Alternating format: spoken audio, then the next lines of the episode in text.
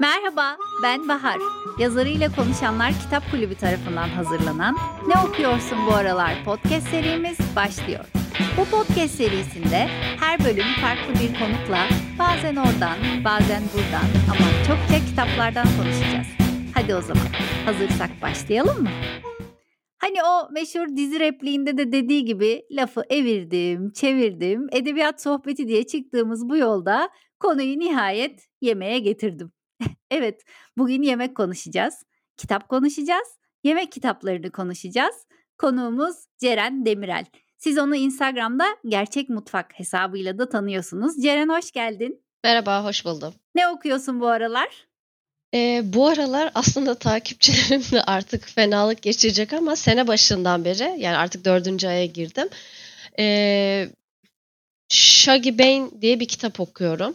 Ee, Douglas Stewart diye bir yazarın. E, aslında çok güzel bir roman fakat e, işte araya bu deprem girdi. Sonra ben kendi psikolojimi toparlayamadım. Sosyal medyayla çok vakit geçiriyorum vesaire. E, bir türlü bitiremedim ama bırakamıyorum da çünkü aslında her başladığımda of çok iyiymiş kitap deyip devam da ediyorum. E, bırakmayacağım. Azimliyim, bitireceğim. Ama hani çok uzun sürdüğü için zannedilmesin ki kötü bir e, roman ya da beğenmedim mutlaka bitirmek istediğim, çok iyi giden bir roman. Sadece e, şu anki e, psikolojik durumlardan dolayı çok ilerleyemiyorum. O kitabı bana bizim kitap kulübünden sevgili dostum Sevcan hediye etmişti. Ama ben de bir türlü cesaret edemedim onu elime alıp okumaya. Ben de senin e, Instagram paylaşımlarında görmüştüm. Tekrar hatta dedim ki ben artık şu kitabı raftan bir indireyim. Ama senin de dediğin gibi bu aralar maalesef biraz e, kitaplarla bir mesafe koyduk. Çünkü ister istemez hani elimize bir alamadık, aldık okuyamadık, kafamızı toplayamadık. Ama işte yeniden yavaş yavaş iyileşmeye çalışıyoruz böyle böyle. Evet, hep, hepimiz için bir zor bir süreçti. Çabalıyoruz devam etmek için ama işte arada tekliyor. Şöyle de komik bir şey oldu bu kitapla ilgili. Ben böyle hani zaten kafam yerinde değil bari şöyle rahat okuyacağım bir kitap seçeyim dedim. Şöyle de bir hinlik yaptım. E, dedim ki kitaba başlayayım çünkü ben ara ara öyle yapıyorum. E, aynı zamanda bu kitabı okurken sesli dinleyerek de devam ederim. Kendimi desteklerim. Yani kitabı okuyamadığım zamanlar dinleyerek e, ilerleyebilirim kitaba diye. Dolayısıyla kalınlığından hiç şüphe etmedim. Baktım sesli kitap hali var. A, tamam dedim ben buna başlayayım. Kitaba başladım. Güzel gidiyor. Sonra bir gün osurdum. Hadi seslerini de biraz oradan devam edeyim dedim. Fakat kitap İngilizceymiş meğerse. Çünkü e, bazı kitaplar Türkçe bazı kitaplar İngilizce olarak sesli halde bulunuyor sitede. Ay dedim yani iyi bir şey yapmaya çalışırken ben yine. Ben de sen konuşurken düşünüyorum diyorum ki bu yoktu sesli kitap Yok hali. tabii ki. Ama artık başlamıştı bulundum ve gerçekten bırakamayacağım bir duruma geldi kitap. E, dinlediğim kitaplardan başka bir kitap var şu an. Ee, çok da güzel bir kitap. Onu, Cahide Birgül'ün Geceye Uyananlar diye bir romanı. Onu da ikizim sayesinde onun da bir kitap kulübü var. Ee, oradan keşfettim. Şimdi onu dinliyorum. O çok güzel gidiyor. Dinlemesi çok kolay. Ee, yani bir taraftan bu kalın romanı bitirmeye çalışıyorum. öbür taraftan da dinliyorum. Sen de iki koldan gidiyorsun. Bu dinleme işi çıktığından beri zaten evet. bir okuma bir dinleme var artık. Evet. evet. evet. ya çünkü yemek yaparken, araba kullanırken, trafikte o böyle bir akıp gidiyor. İyi oluyor yani. Seviyorum öyle dinlemeyi. Hep bunu söylüyoruz. Ee, bu böyle sanki şey gibi de oluyor. Tekrar ediyormuşuz gibi ama aslında bu kitap severlerin durumu bu. Yani böyle bir şeyler yaparken kitap dinlemek hepimizi çok rahatlatıyor. Çok yani bu bence iyi bir teknoloji. Teknolojiyi iyiye kullanmaktan e, iyi bir örnek diyebiliriz. Çünkü mesela ben bazen çocuklara kitap okumak istemiyorum ya da onlar istemiyor vesaire. Hop açıyorum bir sesli kitap ya da böyle podcast bile açıyorum. Bazen evet. böyle çocuklara örnek olsun, iyi insanlar dinlesinler falan. Orada hop bir tane iyi birinin podcast'ını sokuyorum arabaya. İşte aa burada ne diyormuş, kimmiş bu falan deyip ya bir şekilde böyle kulaklara da şey e, ne derler kar suyu kaçırmak mı dedi.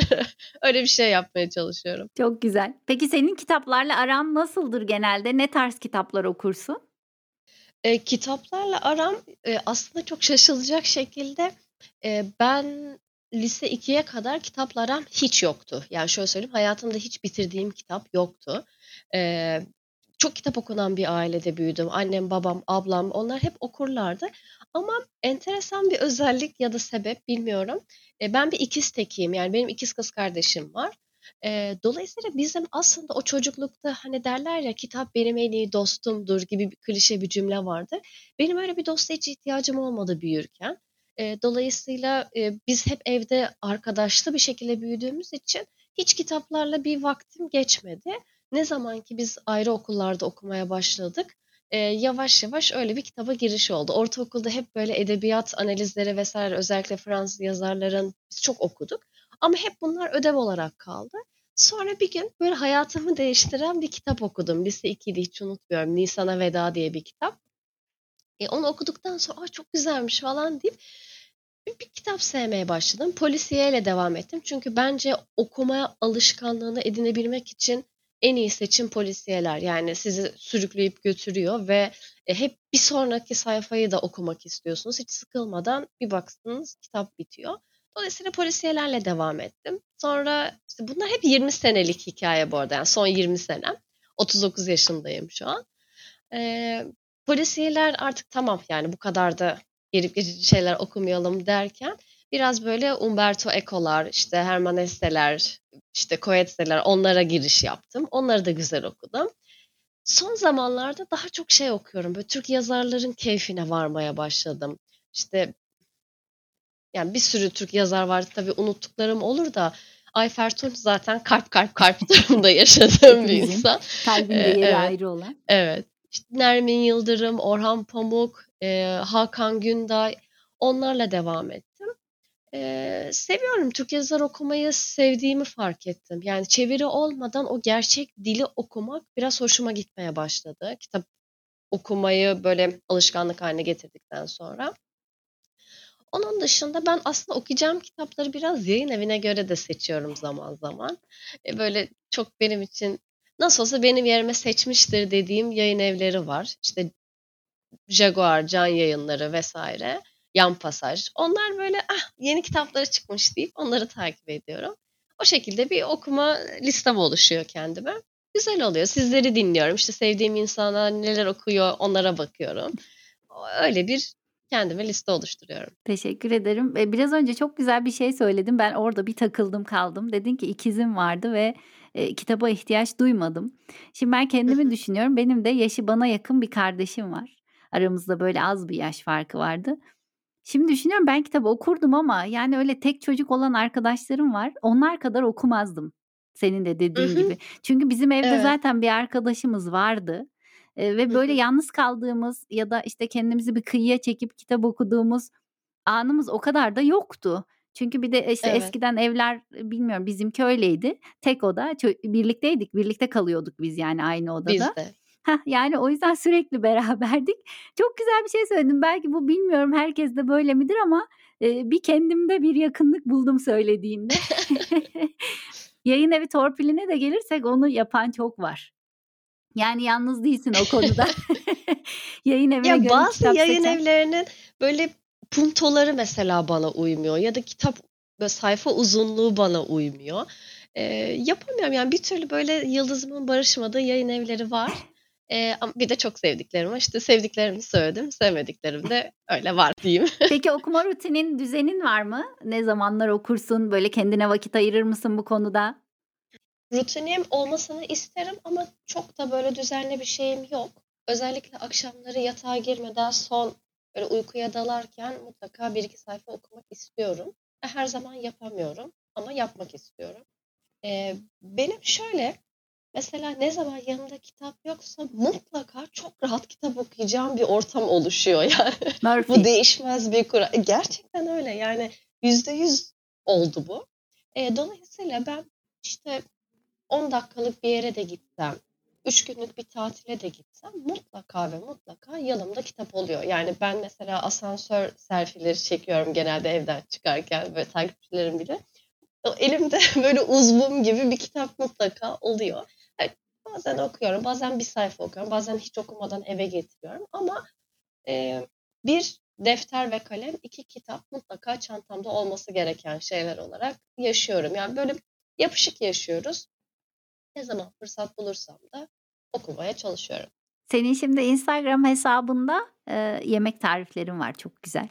Böyle haftalık yemek listelerin falan var. Ben onları çok sıkı takip ediyorum.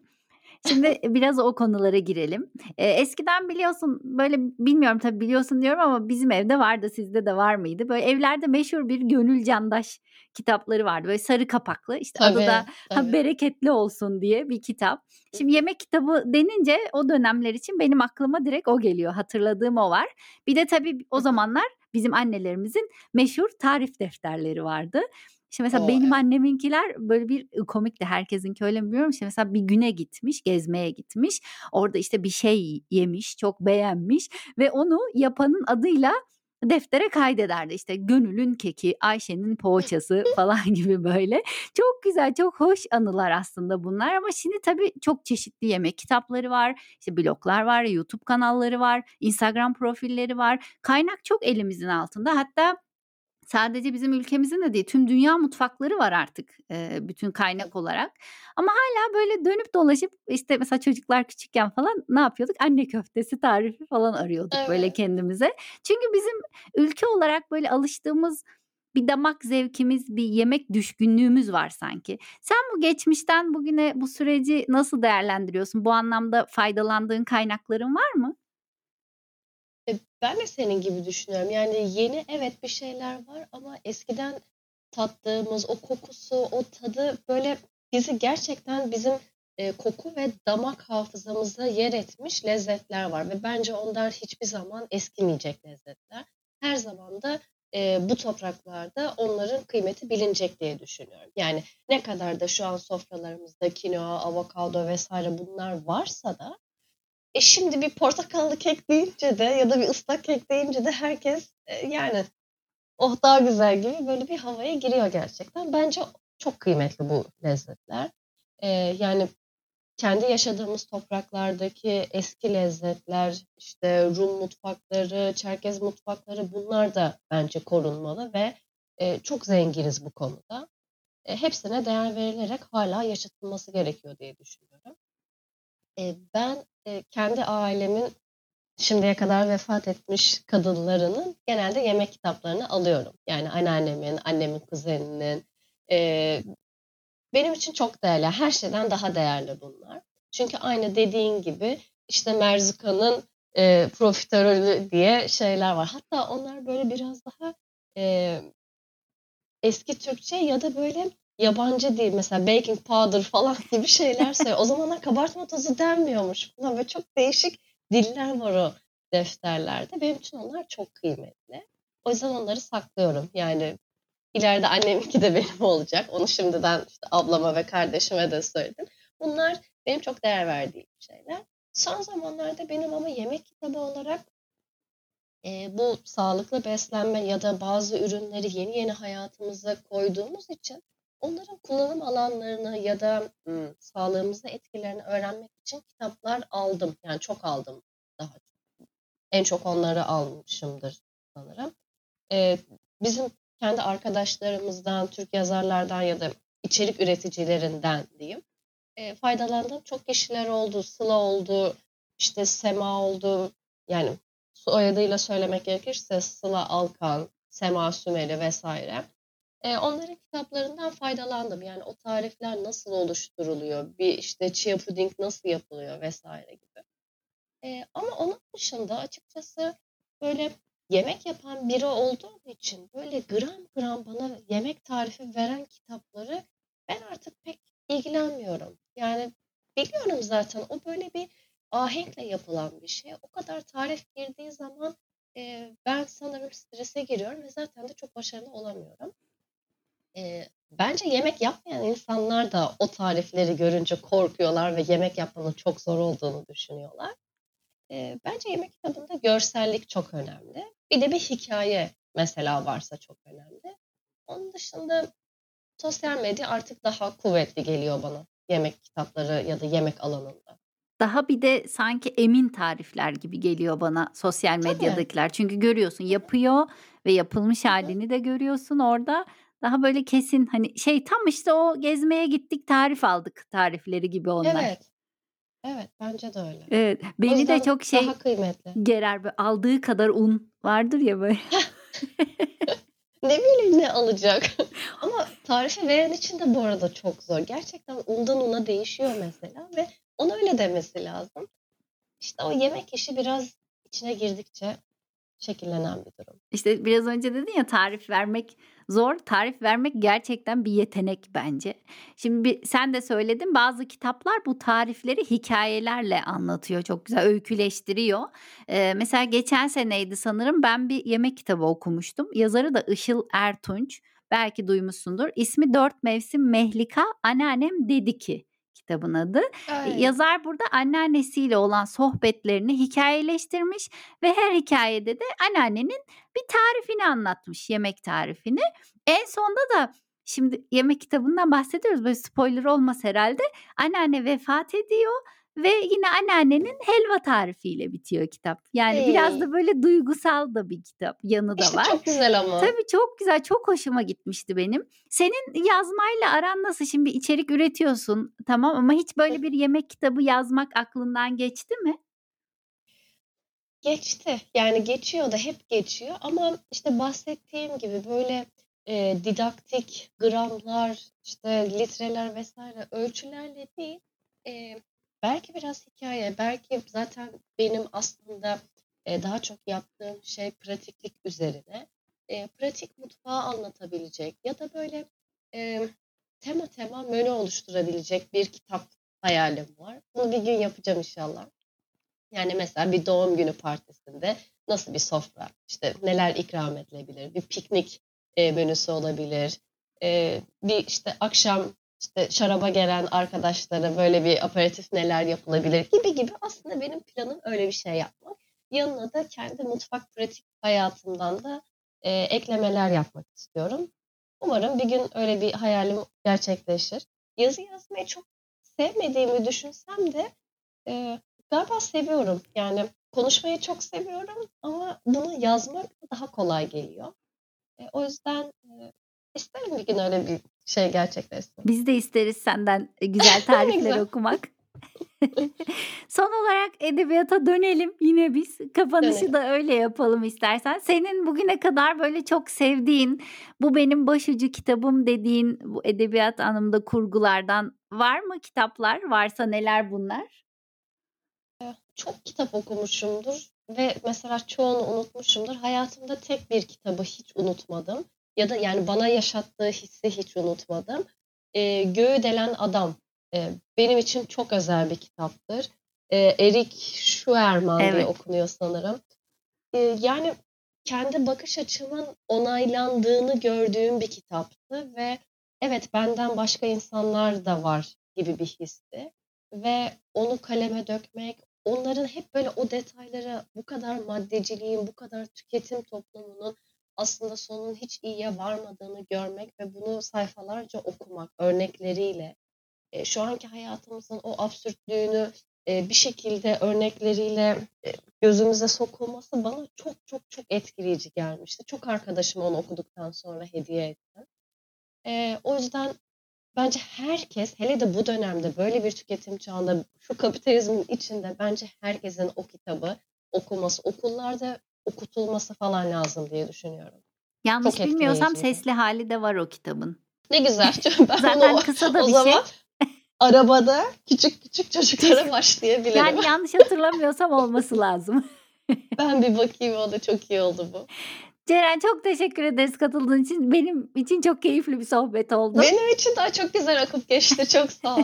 Çok sağ olasın. İnşallah dinleyenler de severek dinlerler diye düşünüyorum. Eminim öyle olur. Hatta umarım seni e, bir gün senin kitabınla yeniden ağırlarız. Ah inşallah. Çok Teşekkür sağ olasın. ederim. Teşekkür ederim. Hayatın telaşı içinde kitaplarla geçireceğiniz vaktiniz bol olsun. Yeni bölümde görüşmek üzere. Hoşçakalın.